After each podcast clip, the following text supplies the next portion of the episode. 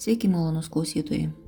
Aš Monika Kuzminskaitė, sveikatos ir mytybos psichologė ir čia šaukšto proto tinklalaidė. Alfred Adler - žmogaus pažinimas. Pradžiai turiu du su knygos turiniu mažai susijusius margumynus. Knygai jau beveik šimtas metų. Ar tai daro ją neaktualią?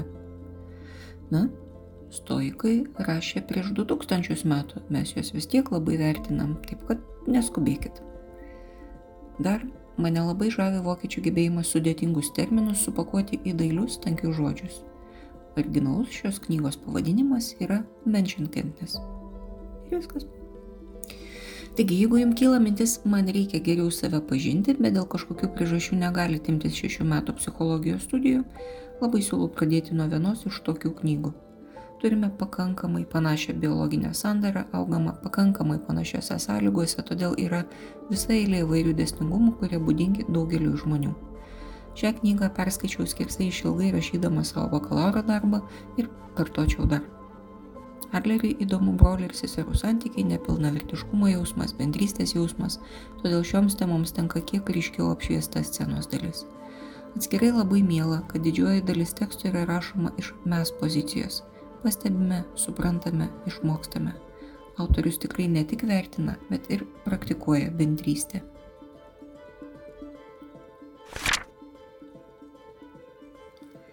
Suvalgyk mane.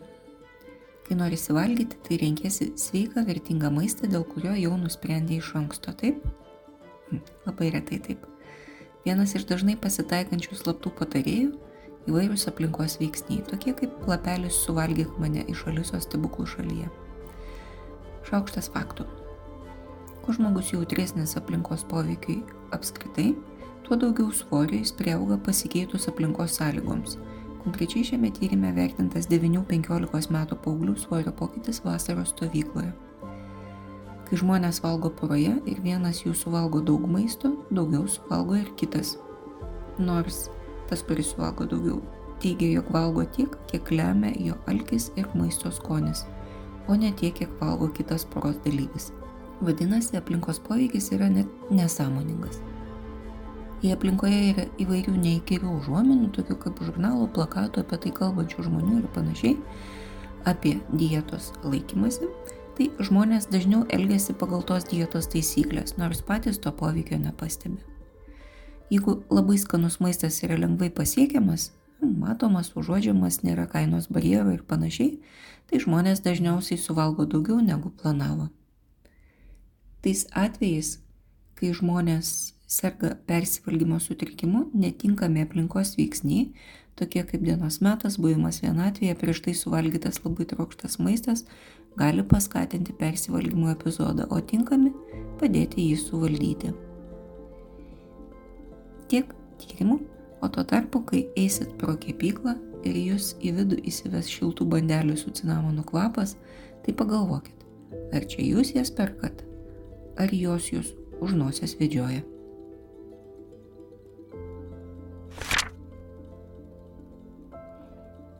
Psichologija nėra tikslusis mokslas ar praktika. Nors labai dažnai tokie prašymai nuskamba pasakyti tiksliai, ką padaryti, geriausiai pažodžiui, kad viskas būtų gerai ir akimirksniui pasitaisytų. Mintis apie procesą ir apie trukmę gali būti apibendrinami, ai tai tada neįmanoma, niekas čia neveikia. Na, leiskit pademonstruoti, kas dedasi psichologo galvoje. Tam tekstiniam postė įdedu schemą susijusių veiksnių, kurie buvo nustatyti atsakant į gana paprastą klausimą, kaip valgyti mažiau mėsos. Atrodo paprasta, atrodo paprasta nevalgyti ir tiek tačiau paveikslėlėje yra bent keliolika įvairių veiksnių, kurie vienas su kitu tarpusavėje yra susiję.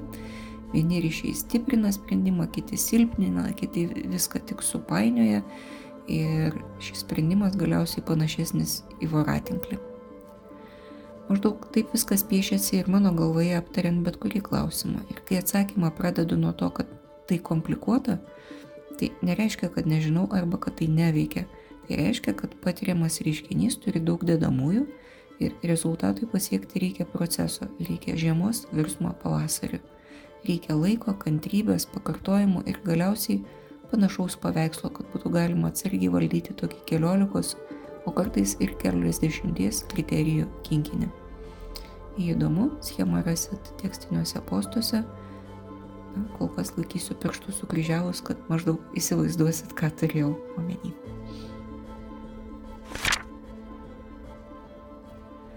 Homeostatiniai įsitikinimai yra įsitikinimai apie įvairių organizmo būsenų priežastis. Nujaučiu, kad juos naudojam dažnai, bet identifikuojam, kad tokius turim gerokai rečiau.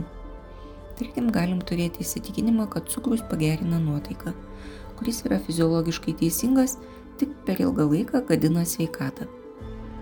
Arba galim turėti įsitikinimą, kad išalkome, nes nevalgėme mėsos, kuris yra abejotinas, nes netikėto alkio pojūčio priežasčių yra labai daug. Šiame tyrimė nustatyta, kad tėvai savo vaikus išmoko aiškinti savo alkio ir troškulio priežastis. Tai, kaip žmonės aiškina šios pojūčius ir jų atsiradimą, reikšmingai dažnai sutampa tarp tėvų ir jų suaugusių vaikų. Tai yra labai logiška, bet vis tiek nuostabu. Taip kaip tėvai išmoko vaikus pavadinti, kas yra pyktis, skausmas ar džiaugsmas, taip išmoko ir kas yra alkis ar troškulys ir iš kur jie atsiranda ir ką su tuo daryti. Žinoma, nereikia nuvertinti ir savarankiškai išmokto malonumo pavalgius pajusti slopstantį alkį, bet išmokstama dalis neturėtų būti mažiau svarbi. Ir alkį, ir troškulį mes išmokstam. Jablonskio dušė užsikimš klausytės. Šiandien skaičiau apie sekstingą nes nesugalvoju jokio lietuviško pavadinimo, o tiesiog šleptelti kokį nors gundutės negaliu. Terminu sexting vadinama visa grupė įvairių skaitmeninio seksualinio elgesio apraiškų, pradedant flirto žinutėmis, baigiant erotinio ar pornografinio video įrašų siuntimu ir dalymusi. Toks elgesys yra gana paplitęs paauglių ir jaunuolių tarpe. Panašu, kad neturime suformavę moralinės ir vertybinės nuostatos apie tai, ar tai tinkamas, priimtinas elgesys. Nuo kitų seksualinio elgesio apraiškų sekstingas skiriasi mažesnė elgesio kontrolės raiška. Tai yra žmonės elgesi laisviau ir dažniau, o tai sukuria ir naują riziką. Tokia medžiaga gali būti naudojama šantažui ir psichologiniam smurtui. Toks elgesys taip pat padeda kompensuoti smūgius savivertį, kuriuos žmonės patiria nuolat save lygindami su kitais, žinoma, dažniausiai irgi skaitmeninėje erdvėje. Dalindamėsi nuotraukomis, taip pat vediniai ir seksualinių ketinimų, žmonės tikisi gauti pozityvių vertinimų ir taip kompensuoti savo prastėjančią savivertę. Be to yra duomenų, jog sekstingas turi ir teigiamą poveikį romantinių santykių palaikymui, išplečia galimybės vienas kitam geriau pažinti, išlaikyti susidomėjimą ir eksperimentuoti ir tartis. Paugliai retai kada dalyjasi sekstingo patirtimi su tėvais, todėl retai kada gali gauti pagalbos sudėtingose ar pavojingose situacijose.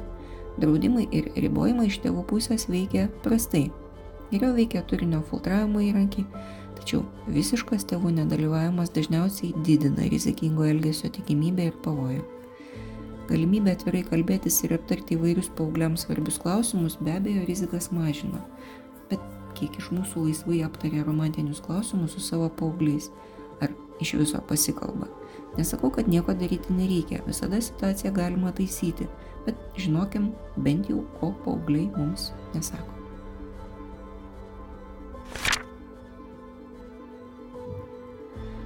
Šiandien važiavau tarp apsniktų ir saulėje žėrinčių pievų ir labai norėjosi dramatiškai sušukti sustok akimirką žavinga. Todėl galvoju apie Franklin. Todėl siūlau filosofinę minčių stabdymo praktiką. Apylaisvė šios idėjos interpretacija iš Franklio yra tokia. Tarp noro ir veiksmo yra tarpas, o tame tarpe yra erdvė sprendimui rinktis. Sprendimas ten gali ir negyventi. Ar tiksliau, ten gali gyventi sprendimas renkuosi vieną iš vieno, ypatingai greitas, padaromas akimirksniu. Ir mes nuoširdžiai galim tikėti tuo, kad nėra kito pasirinkimo, kad jeigu nori, tai reikia daryti.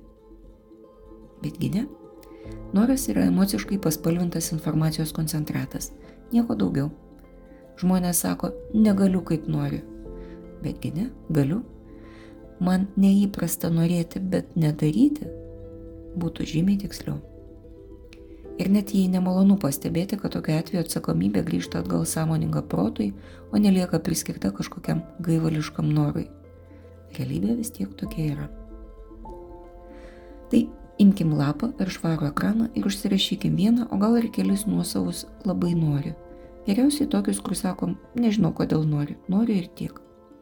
Pirmas tulpelis - noras. Trečias tulpelis - veiksmas. Antras - tarpinis, vidurinis - vieta sprendimui. Jeigu įgyvendinsim norą, kokie bus pliusai ir kokie bus minusai. Jeigu neįgyvendinsim noro, kokie bus pliusai ir minusai. Taip ir įvertinkim sprendimą. Noras visada mus vers paskubėti ir sakyti, ai čia nesąmonė. Ir nereikia taip daryti kiekvieną kartą, bet kai kada labai pravers. Tarp noro ir veiksmo yra erdvė sprendimui. Toje erdvėje gimsta pažinimas ir augimas. Čia ir yra veiksmų laisvė. Aš Monika Kuzminskaitė, sveikatos ir mytybos psichologė, padedu spręsti kasdienius ir sudėtingus elgesio, mąstymo ir emocijų klausimus. Rašau, skaitau paskaitas, teikiu psichologinės konsultacijas. Mane rasit socialiniuose tinkluose vardu Šaukštas Proto arba gyvai Vilniuje Goštauto gatvėje. Rašykit man asmenį žinutę socialiniuose tinkluose arba elektroniniu paštu adresu šaukštas.proto atgmail.com. Taikos ir ramybės.